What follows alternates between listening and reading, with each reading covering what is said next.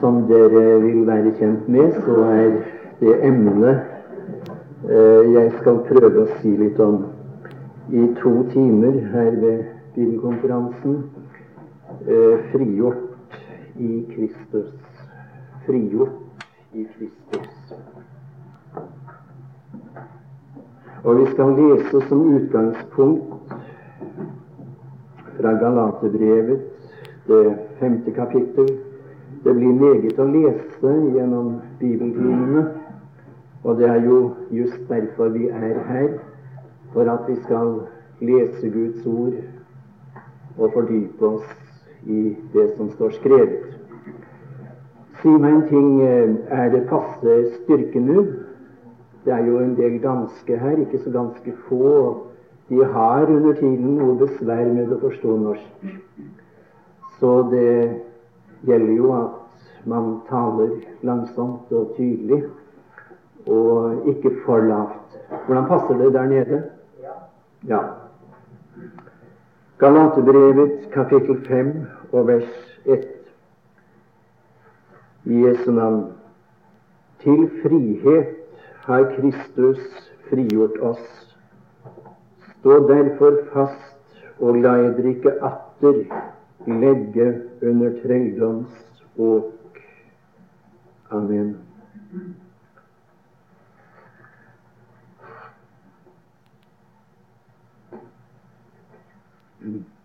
Jeg regner med at dere har skrivesaker for hånden, slik at dere kan prøve å få noe på papiret. Som jeg pleier å si når eh, vi begynner et bibelkurs, eller det vi kaller det nå, bibelkonferanse her, så er det min erfaring at det har betydd så veldig meget at jeg har skrevet ned noe. Særlig tenker jeg på de kursene som jeg deltok i i mine unge dager, i mine unge år.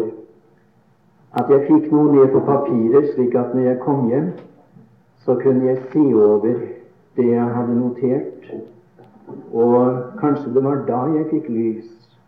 Kanskje det var da Guds ånd gjorde det klart for meg. Kanskje det var da Kristus ble på en særlig måte stor der i enerom, når jeg satt over en åpen bibel. Og jeg tror du skal gjøre de samme erfaringer dersom du vil praktisere det gjøre noen notater. Det kan også gjerne dere gjøre, tror jeg, som ikke er riktig så unge av år. Vi har etter hvert så lett for å glemme det vi hører. Naturligvis er det utelukket at vi kan behandle dette emnet i sin bredde, sånn som vi kanskje kunne gjøre om vi hadde hatt god tid, eh, bare på disse to timene som vi har til rådighet. Men det er noen vesentlige ting, noe som har betydd, og daglig betyr usigelig meget for meg i mitt personlige trosliv, i mitt kristenliv, som jeg gjerne vil prøve å peke på. Og jeg overlater da til Guds ånd å gjøre det klart. Det kan ikke vi. Det er Guds ånd som må gjøre det. Eh, det første som vi da kanskje kunne skrive Og jeg liker gjerne å ha litt I hvert fall prøve å ha litt orden på det. Og da kanskje vi kunne skrive et romertall 1. Romertall 1.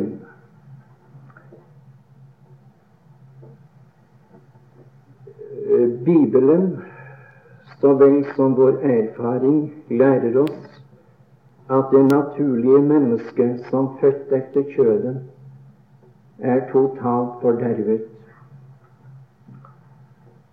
Kanskje vi skal si det en gang til, og det er meget viktig. Er ikke det klart for oss, så har jeg liten tro på at uh, vi virkelig har opplevet bibelsk frigjørelse i vårt liv. Det er der vi må begynne. Og la meg nå skyte inn at Det er vel mulig. Eh, noe av det jeg sier i denne bibeltimen, kanskje, kanskje det meste jeg sier her, eh, det vil, eh, synes du, ikke akkurat være av frigjørende karakter. Men eh, jeg håper at vi skal komme frem til det, i hvert fall i neste time. Bibelen, så vel som vår erfaring, lærer oss at det naturlige mennesket som født etter kjødet, er totalt fordervet. Og denne dom har ikke Gud sådan uten videre felt over oss. Det skal vi nå prøve å se litt på. Bibelen lærer at Gud har prøvet mennesket. Han har prøvd det. Skulle det være noen av bibelstedene nå som du ikke får fatt på, så er vi så fri at vi bare spør. Eh, det gjør ingenting. Det er tvert imot eh, en fordel. Og vi vil få mer ut av det om det er noen som, som vil spørre hvis noe skulle gå forbi. Eh, vi skal der ta med et underpunkt, et ett-tall og vi skriver bare 'under samvittighetens tidsalder'. Under samvittighetens tidsalder. Altså, jeg mener med dette at den første prøve Gud satte på, vel å merke det falne mennesket, det var under samvittighetens epoke. Eh, det er den tid som begynte umiddelbart etter fallet i Edens hage. Den tiden og et stykke fremover der kaller vi vanligvis, og det med rette, samvittighetens tidsalder. Og det betyr at på det tidspunkt hadde menneskene ikke noe skrevet ord. De hadde ingen bibel slik som du og jeg har i dag, som de kunne efterleve. De eh, hadde bare eh, en samvittighet som de kunne rette seg efter når det gjaldt deres liv i verden. Med andre ord mennesket var overgitt til eller henvist til samvittighetens ledelse i denne tiden. Det var et merkelig instrument, et meget fint sådant, i menneskets indre. Ja, det har også vi, naturligvis, som kalles samvittighet. Og vi kan gjerne si det virker som et, som et varselur eller noe lignende. Eh, det sier fra hva som er godt, hva som er ondt. Det er rett, og det er galt. Når du finner mennesket på prøve under samvittighetens ledelse, så stiller du det spørsmål hva ble resultatet av prøven? Hva førte det til? Fulgte Hør nå, dette er meget viktig. Fulgte mennesket samvittighetens røst. Eh, vi kan ikke ta for meget tid på det, men jeg vil gjerne vise til resultatet som vi har i Første Mosebok, omtalt i det sjette kapittel og vers 5. Altså Første Mosebok, kapittel 6 og vers 5. Mennesket ignorerte samvittighetens stemme. De fulgte sine egne lyster. De falt ned i fordervelse. Og det er klart sagt her i Første Mosebok 6, vers 5. Og Herren så at menneskets ondskap var stor på jorden, og at alle dets hjertes tanker og påfunn var onde den hele dag. Det er en hård dom over mennesket, ikke sant?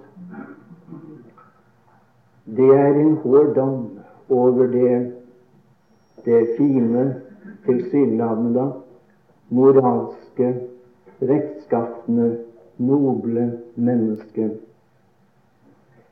Men uh, vi gjør vel i å godta dommen. Det er Guds dom. Og det er uh, på grunnlag av han har prøvet mennesket under samvittighetens ledelse. Så skriver vi Romer eh, totall, eh, punkt to. Nå kunne vi naturligvis gå i detaljer her, men det tillater ikke tiden oss å gjøre.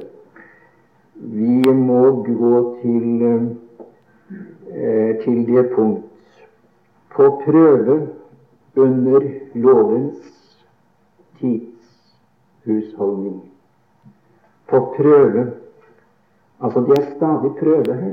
Legg merke til det. Gud har prøvet mennesket. Hvorfor det? Naturligvis ikke for at han selv skulle lære mennesket å kjenne, men hør nå for å bringe mennesket til erkjennelse av hva det er. Og det er, det er dit jeg vil frem i, i formiddag. Det er, det er, det som er mitt mål med denne bibeltimen, spesielt. Hva er mennesket? Det må vi få greie, på. Det må vi ha klarhet i når vi går ut fra denne bibeltimen. Og det, det skal vi ikke være i villrede om, mine tilhørere. Guds ord er meget klart også på dette punkt, som alltid ellers. I Amos Annen Mosebok og det 19. kapittel, altså Annen Mosebok kapittel 19, og der fra det femte vers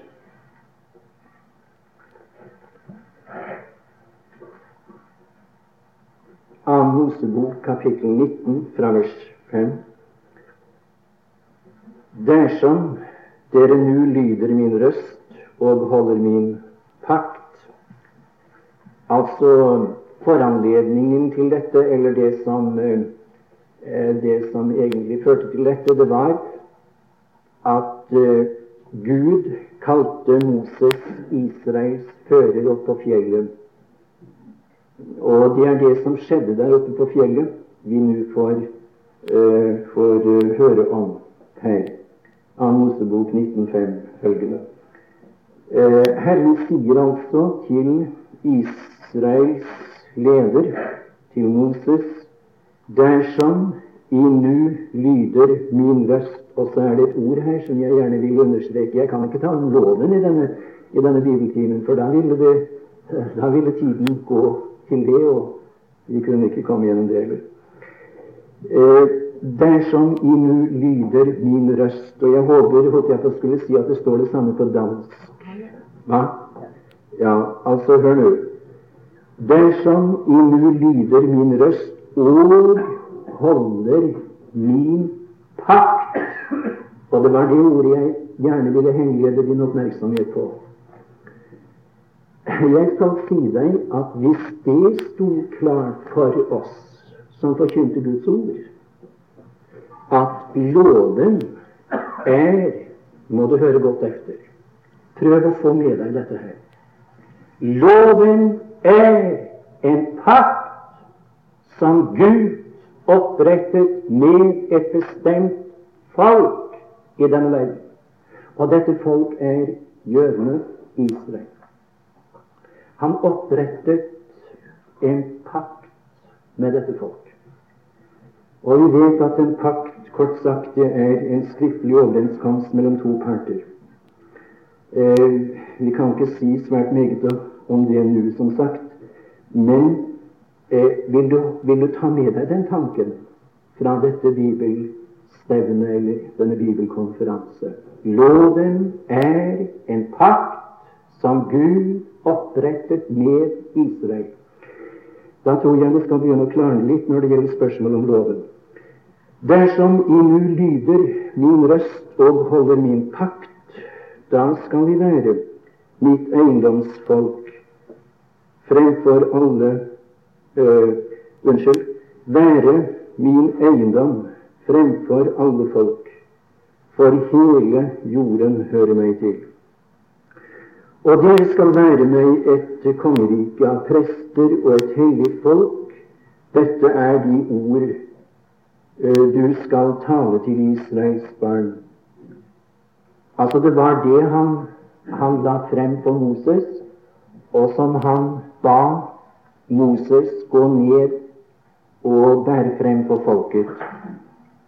Dersom, dersom dere holder mine ord min pakt, så skal dere være mitt folk. Altså dersom. Det er på basis av det å gjøre. Og fra vers 7 Det er ganske uh, merkelig da Moses kom tilbake, kalte han folkets eldste til seg og bar frem for dem alle disse ord som Herren hadde pålagt ham. Og har du lagt merke til hva folket svarte? Det har kanskje undret deg. Jeg vet at du har lest dette mange ganger. Men jeg vet ikke om du har, om du har funnet noe påfallende ved dette. Men det står virkelig her å lese Da svarte folket alle som en. Det var ikke dissens. Det var ingen som gjorde protest. Det var ingen som hadde en avvikende mening her. De var enige. Da svarte folket alle som en og sa alt det Herren har sagt, vil vi gjøre. Jo, vi skal være mann for å, å, å, å prestere det alt ifølge Guds krav, etter Guds krav. Det han forlanger, det skal han få. De var enige om det. Hvorledes gikk det? Vi lover ofte godt, men holder vi det vi lover? Ja, det viser noe av hva vi mennesker mener om oss selv, hvordan vi vurderer oss selv, vurderer det naturlige mennesket som født etter kjøden. Ja, eh, da Moses kom ned fra fjellet med tavlene, husker du, ifølge 2. Mosebok det 32. kapittel Da han kom ned fra, fra fjellet der, så hørte han en, en støy. Det var rene spetakkelet der nede i leiren. Og, da, og så diskuterer vi litt om hva er det for slags lyd vi hører. Eh, det lyder nesten som krigsrop. Og et meget forstemmende syn møtte dem da de nærmet seg leiren. Hva var det de så? Jo, de så Israel, Israels barn, og Aron med dem, i ferd med å danse rundt en gullbud. Ser du det? At før Moses rakk ned fra fjellet, rakk å komme ned til leiren med tavlene, så var det første bud i loven allerede brutt. Og du kan følge dette folks historie gjennom Det gamle testamentet og frem til Kristus gjennom disse ca. 1500 år da Gud handlet med et bestemt folk, Israel, under loven. Eh, du kan følge dem, og så skal du få det endelige resultat. Det er altså prøven. Det er Romebrevet, det tredje kapittel, og fra vers 19. Romebrevet, kapittel 3, vers 19. Det er klar tale, det. Jeg synes bare det er så underlig at mange eh, De ser ikke dette her. Det er en forvirring på dette området. Det kommer du aldri bort fra. Gi at det kunne bli noe klart for oss nå. Eh, kanskje jeg kunne be om å få det opplest på dansk? Kan du lese det, Gerda Wilseth?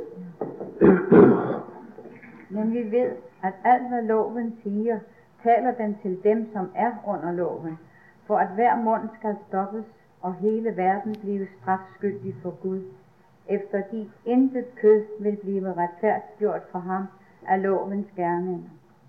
Til ved loven kommer erkendelse af synd. Jaha. Altså, den 19. verset, Romerbrevet 3, vers 19, sier tydelig nok at alt det som loven sier, det taler den til dem som har loven. Dette ville være, dette ville være bemerkelsesverdig tale, en underlig tale, hvis alle mennesker hadde loven. Jeg tar ikke tilbake en tøddel om det jeg her sier. Hør nå. Det var et bestemt folk som Gud ga loven til, og gjennom 1500 år demonstrerte han Hør nå. Hva var det han demonstrerte? At hele verden er skyldig for Gud som overtrederen av Guds bud. Det var det han, det var det han fikk frem gjennom Og det var det som var mål, det var det som var intensjonen, det var det som var målet det var det han ville frem til. Det var derfor Gud ga loven på Sinai berg. Og det sier Galaterbrevet 3,19 så tydelig at det kan ikke være, det kan ikke være tvil. Og det kommer også klart frem her. Vi kan ikke gå nærmere inn på det, men la meg bare føye til du behøver ikke eksperimentere med dette der lenger. Du kan gjerne gi opp dette der. Det fører ikke frem. Mennesket er skyldig for Gud. Du får ikke noe godt ut av det naturlige mennesket av lovens vei. Ser du ikke det? Og så var det tretall. Den siste og endelige prøve den siste og endelige prøve Jeg har prøvd å si det eh, konsentrert her, eller formulert det slik at det ikke blir for langt, for meget å skrive. Den siste og endelige prøve, tankestrek, Sønnen. Sønnen. Og da går vi til Matteus evangelium det 21. kapittel. Matteus evangelium, kapittel 21.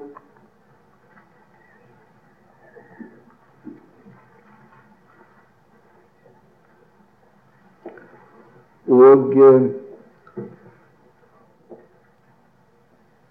Ja, det er egentlig fra det 33. vers til og med eh,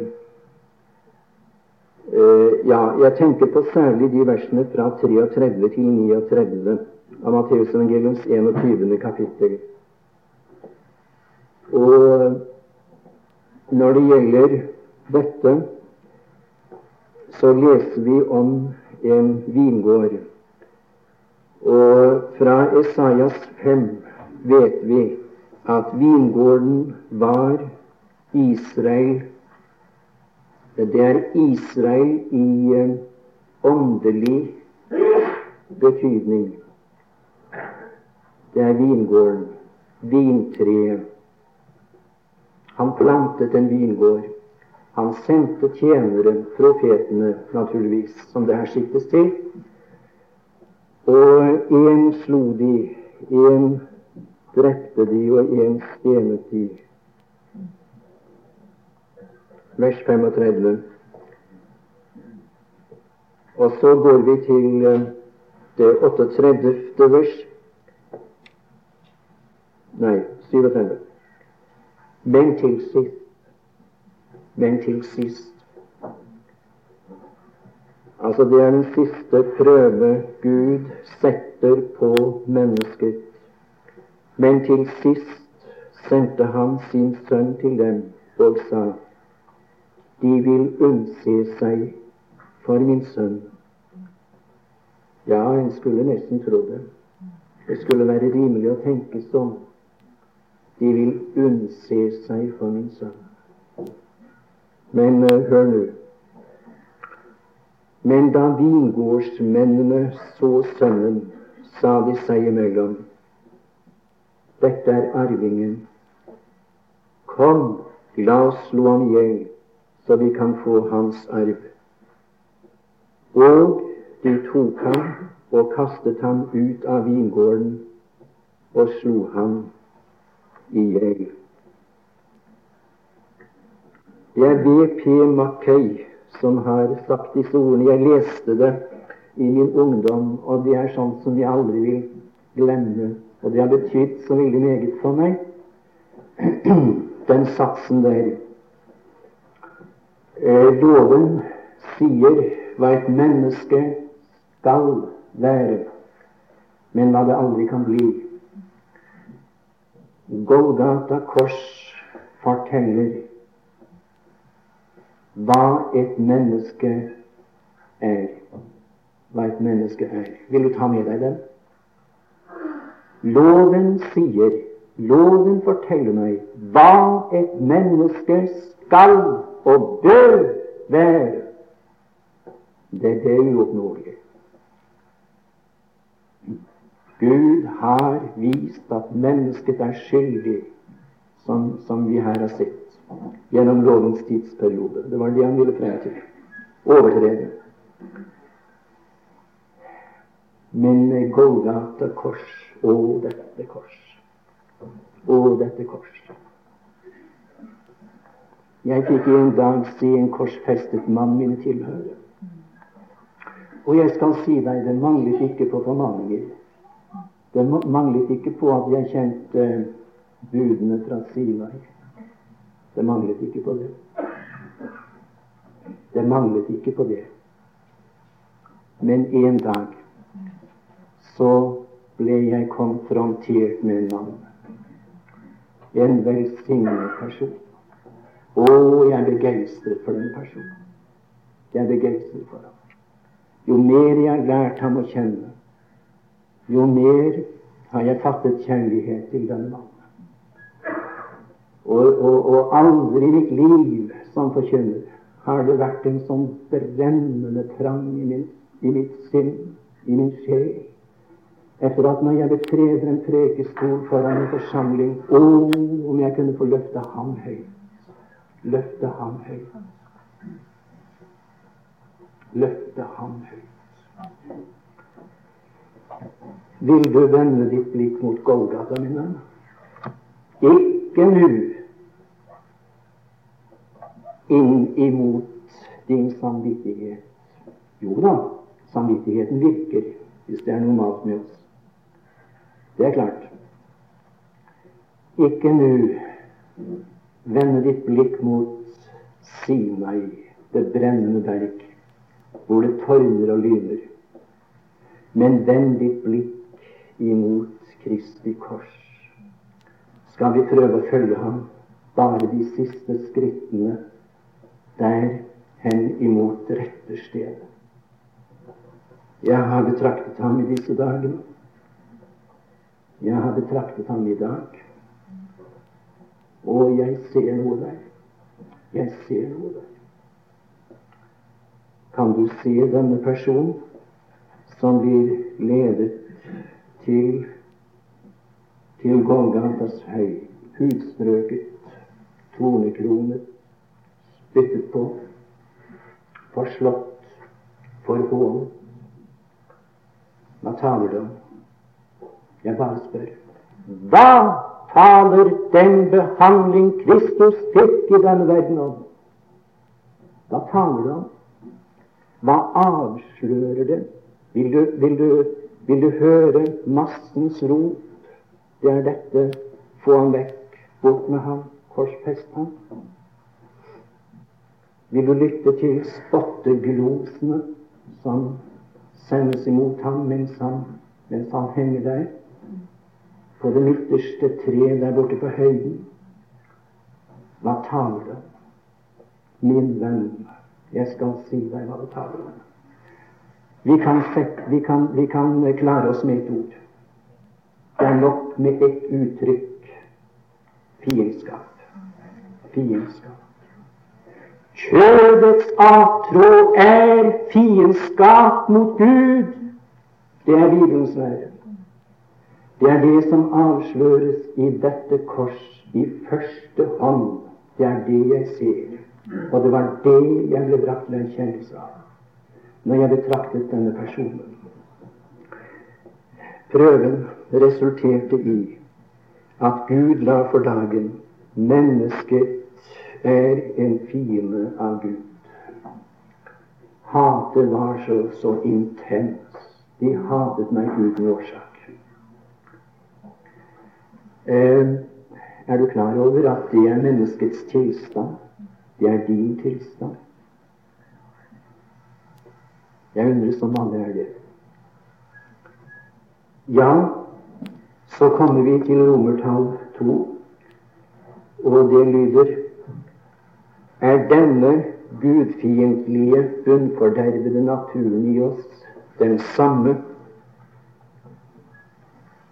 Er denne gudfiendtlige nat øh, og bunnfordervede naturen i oss den samme etter at vi er blitt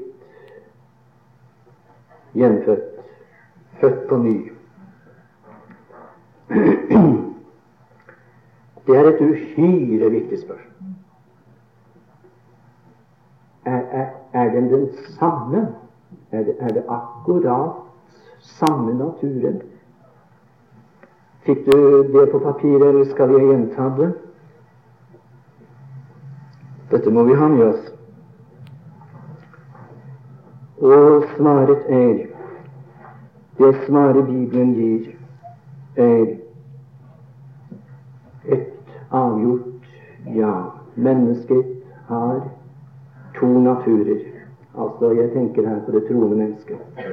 Det troende mennesket, en frelst person i denne verden, har to naturer.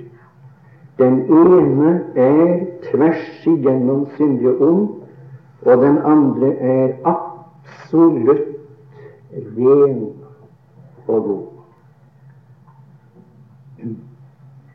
Den troende har to naturer. Ja, du sier dette er elementære sannheter. Ja, det er det.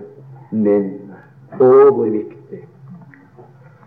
Og hvor det, hvor det råder uklarhet. Jeg blir nesten forstøkt når jeg under tiden når jeg reiser omkring i vårt land og kommer i kontakt med troende mennesker, og jeg oppdager hvor lite de har greie på disse, disse ting. Så jeg har sagt i mitt stille sinn det, det er ikke halsbrekkende ting menneskene trenger. Innviklede utredninger, slik at man kanskje er mer i villrede når predikanten er ferdig enn når han begynte. Nei, men jeg skal si deg hva de trenger. De trenger orientering om dette som de har et særlig behov for å ha klarhet i i det personlige trosliv i hverdagen. Der de skal leve livet. Og jeg vil gjerne her si noen ord om Hva tid er det neste time skal begynne, forresten? Er det halv tolv? Hva? Ja, jeg kan jo holde på en stund ennå. Eh, eh, vi kunne her stille det spørsmålet hva er gjenførelse? Hva er gjenførelse? Bare noen få ord om det. Eh, det er meddelelse av liv. Meddelelse av nytt liv. Det er gjenførelse. Hør nå. Gjenførelse, mine tilhører er egentlig at Gud tar noe av seg selv, av sin natur, av sitt vesen, og planter inn i oss. Det er en følelse. Jeg har fått nytt liv. Et fullstendig nytt liv. Og fordi det er, det er guddommelig liv, det er guddommelig natur, så er det naturligvis, som jeg har påpekt, fullstendig, absolutt ren, absolutt god helt igjennom. Hvordan skjer dette? Det kan være noen her for hvem det vil virke frigjørende å få klarhet over dette. Det er noen som ikke har dette riktig klart. Det kan sågar være noen som sitter her og tenker er jeg hjemme, eller er jeg det ikke? Bibelen sier at det skjer ved Guds ånd og ord. Ved Den hellige ånd, ved Guds ord. Der skjer. Og du skal få noen skriftsteder. Det er Jakobs brev, kapittel 1, vers 18, 1. Peter 1, 23, Johannes 1, 12 og 3,2. Vel, jeg skal gjenta. Vi forkorter naturligvis F.eks. for Jakob JAK punktum Peter PET. Jakob 1,18. 1. Peter 1, 23. Johannesevangelium eh, JOHS vanligvis punktum 1,12 eh, og 3,2 følgende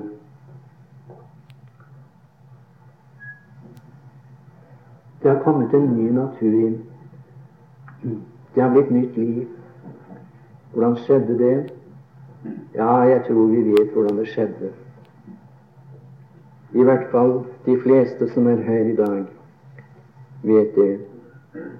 Men det kan være noe. Og det har også vært min bønn under forberedelsen til konferansen. Kanskje det kunne ledes noen hit som kunne oppleve frelsen som kunne gå hjem med en ny natur, nytt liv. Ja, det kan skje, det. Efter sin vilje har Han født oss ved sannhetsord. Det var Hans vilje at vi skulle bli født på ny, og det var Hans vilje at det skulle skje på denne måten ved sannhetsord. Og det var sånn det skjedde. For det sier første Peter, dere som er gjenfødt, ikke av forgjengelig, men uforgjengelig sjel, som er Guds ord. uforgjengelig sæd frembringer evig liv. Evig liv. Sang så ofte i min ungdom et liv jeg nu eier som aldri kan dø, til Kristus, det evige liv, tok plass i mitt hjerte som spirende frø, har oppreist mitt nedbrutte liv. Evig liv.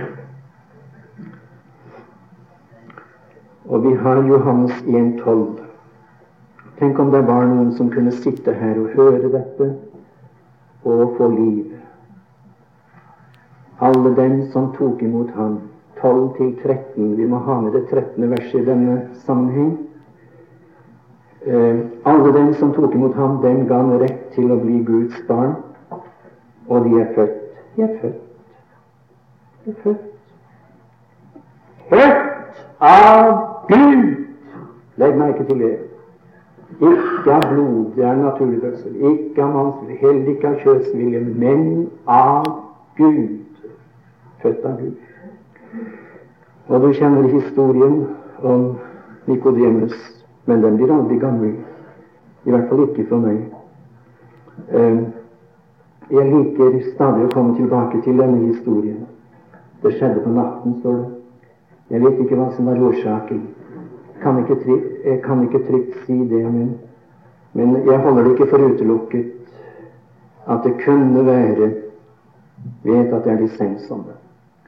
Men jeg utelukker ikke den tanken. Kanskje det var fordi Nikodemus den natten var i så stor nød.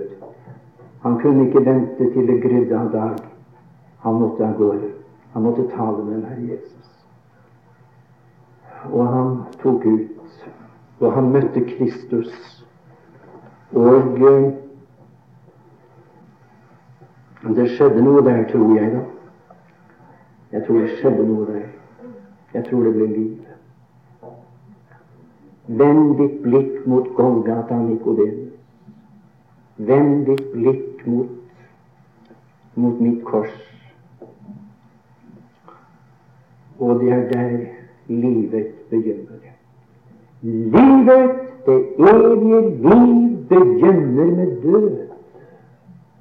Med Kristi død.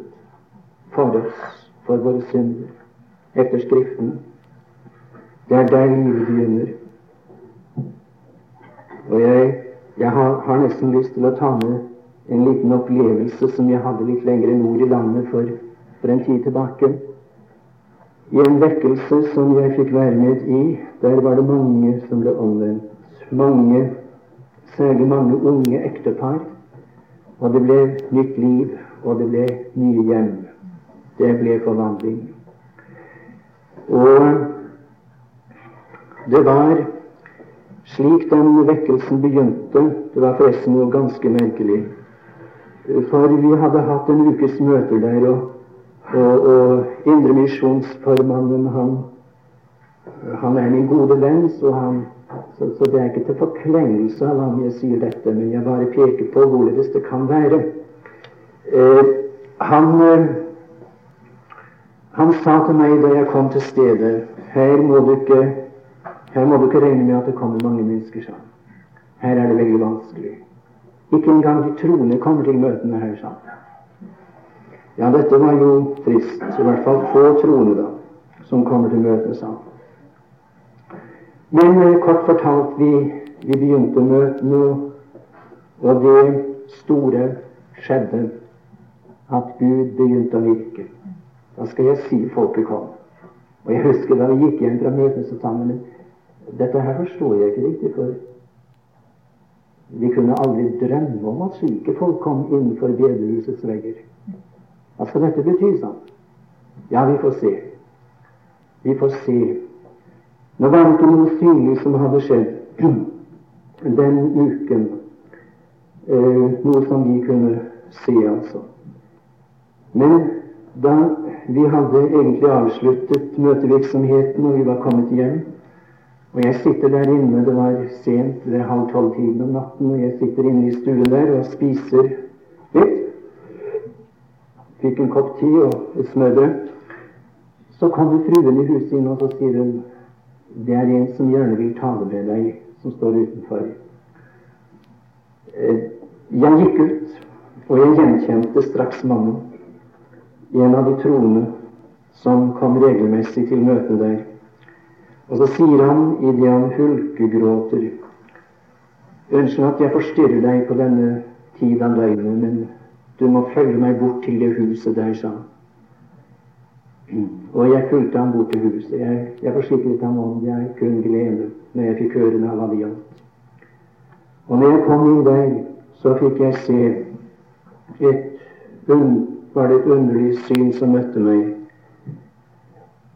Hans uh, sviger, hans sønner, to sønner og svigerdøtre, hans datter og hans svigersønn, de lå alle på sine kne der. Og jeg holdt på å skulle si badet i tårer. Så sier du, kan du hjelpe oss? Kan du hjelpe oss? Ja, jeg kan. Jeg kan hjelpe dere på den måten at jeg kan peke på ham. Det er Guds land. Se, se og lev! Og så vendte de sitt blikk mot Golgata den natten. Og jeg skal si deg, det sprang liv i dem alle seks. De lever godt med Gud i dag. Vend ditt blikk mot Golgata. Det er der det begynner. Han døde for deg. Han døde for deg. Han inntok din plass. Og så, endelig, og så skal jeg gå ned når jeg er ferdig med det eh, Det var dette Vi oppdager egentlig ikke vår gamle naturs vesen før den nye natur er kommet inn. Og hvis det er noe som jeg gjerne vil legge dere på sinne, eller som jeg håper at Guds ånd kan legge på eller skinn i formiddagen, så er det dette. Jeg skal si deg, vi oppdager egentlig ikke karakteren av det gamle mennesket før det har kommet en ny natur inn.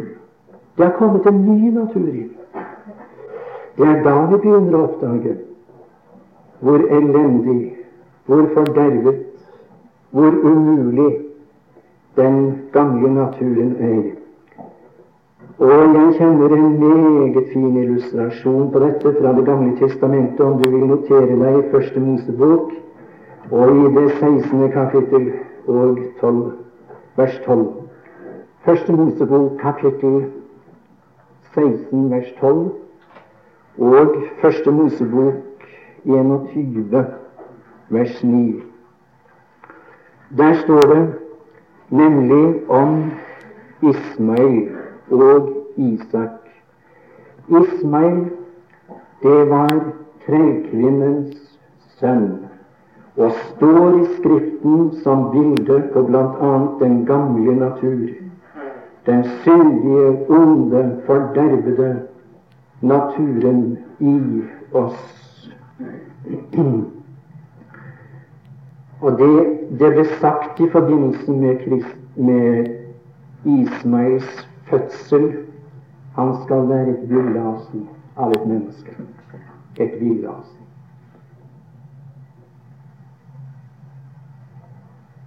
De skal, de skal få mye bry med den fyren der, med andre ord.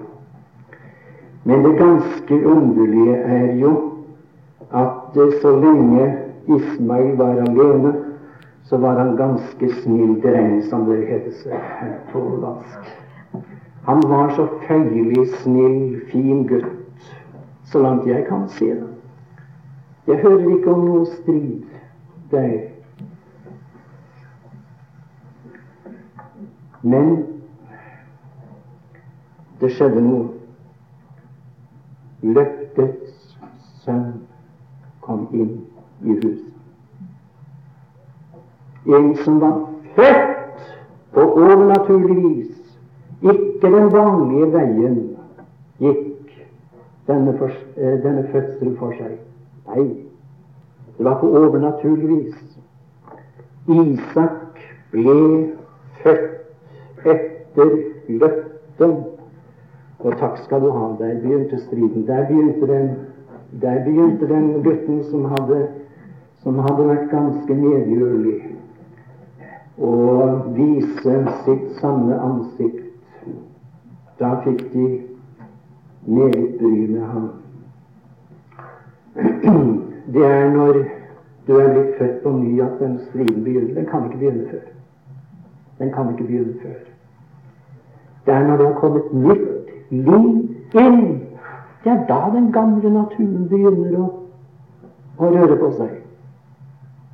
Og vise hva den er, og hva den vil, hva den begjærer, så har du den striden. Og der, der er det vi er kommet frem til det eh, som eh, er grunnlaget for min bibeltime til i morgen.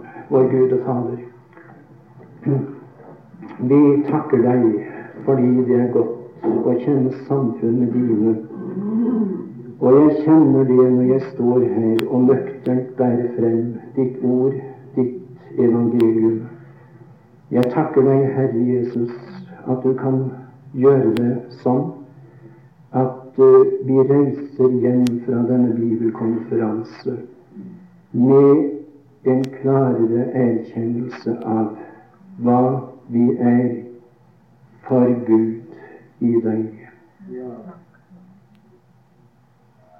Herre, velsign bibeltimen som vi nå skal ha videre i formiddag likeledes i ettermiddag når vi samles og får aftenmøte. Og er det mulig? Ja, vi vet det er mulig så lenge Guds ord forkynnes. Så lenge seden som er uforgjengelig, sås ut. Det kan føles liv, liv som aldri kan dø. Herre, vi ber deg. Amen.